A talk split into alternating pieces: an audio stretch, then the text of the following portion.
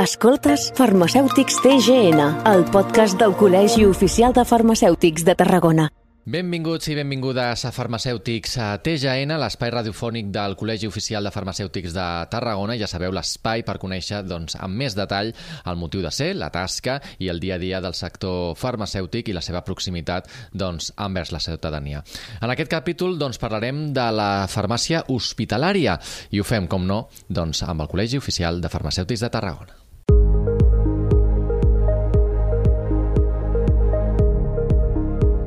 La farmàcia hospitalària és un servei doncs, que potser és poc conegut eh, per la ciutadania, però que doncs, té un paper molt important en el nostre dia a dia i també per al Col·legi Oficial de Farmacèutics de Tarragona. En volem conèixer més detalls i per descobrir-ho doncs, comptem i saludem a Marta Martín, és vocal del Col·legi Oficial de Farmacèutics de Tarragona, a més especialista en farmàcia a l'Hospital Joan 23. Benvinguda.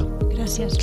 Eh, primer de tot, doncs, eh, si li sembla, doncs, eh, detallem no? què és la farmàcia hospitalària perquè a tots ens quedi ben clar. Doncs la farmàcia hospitalària és una especialització de professionals farmacèutics, que això ens permet treballar en el servei d'hospitals eh, en farmàcia. Un servei de farmàcia hospitalària és... Eh, un servei central, clínic, eh, que es troba a l'hospital, que el que tenim són activitats pròpies i a més recolzem la resta de serveis de l'hospital amb la missió d'assegurar una farmacoteràpia integral i, a més a més, que sigui eficaçment integrada en tot el procés del pacient, des de la primària fins que va, que està ingressat fins a l'atenció primària un altre cop quan retorna. Uh -huh. Quin és el funcionament en concret? Per, per tant, la resta d'oficines de, de farmàcia anirien més destinades al servei a la ciutadania i en aquest cas en, en concret a l'hospital, no?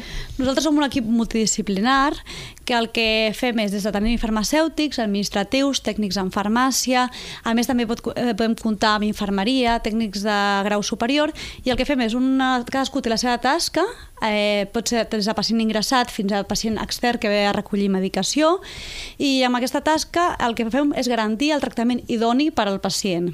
A més a més, treballem de manera estreta amb metges, infermeria, auxiliars d'infermeria, que el que fem és explicar, doncs, per exemple, quina és la dosi correcta d'un determinat medicament, o bé quina és la reacció típica adversa d'aquell medicament, o també la tècnica d'administració de certs fàrmacs que treballem nosaltres.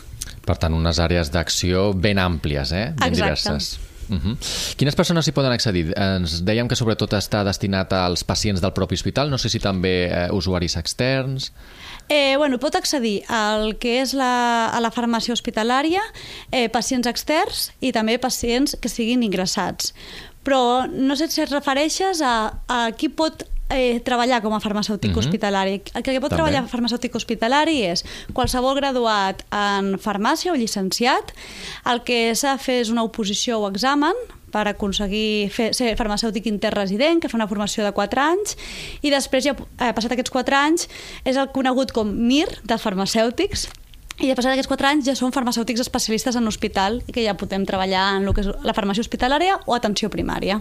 Mm -hmm. Quin és el paper exacte o, la, la, el lligam més eh, directe amb el propi col·legi? Doncs tots els farmacèutics, per poder exercir a nivell hospitalari, hem d'estar col·legiats amb el, amb el Col·legi Oficial de Farmacèutics i tots formem part de la vocalia d'hospitals i atenció primària. En aquesta vocalia, que és un nexe, un punt de trobada entre tots aquests col·legiats, que podem fer tant activitats formatives, eh, línies d'investigació, col·laborem amb altres vocalies, que no només siguin d'hospital, i conjuntament amb això hi ha un representant que en aquest cas sóc jo, i sóc la persona que té comunicació directa amb el Col·legi de Farmacèutics en qualsevol incidència o proposta que vulguem treballar. Uh -huh. Doncs en el teu cas, quina seria la teva tasca principal? Perquè ja hem vist que en aquestes oficines, de, en aquestes farmàcies hospitalàries hi ha diversos uh, perfils, diversos uh, professionals, però quina seria la tasca principal? La tasca principal d'un farmacèutic hospitalari és que el, el pacient rebi el tractament més eficaç i idoni, ballant sempre per la seguretat del pacient i, a més, que els faci un ús adequat del medicament. En el meu cas, jo porto atenció tot el que és el pacient pediàtric i el pacient eh, maternal no? ginecològic, obstetrícic, i a més elaboro totes les fórmules magistrals de l'hospital. Uh -huh.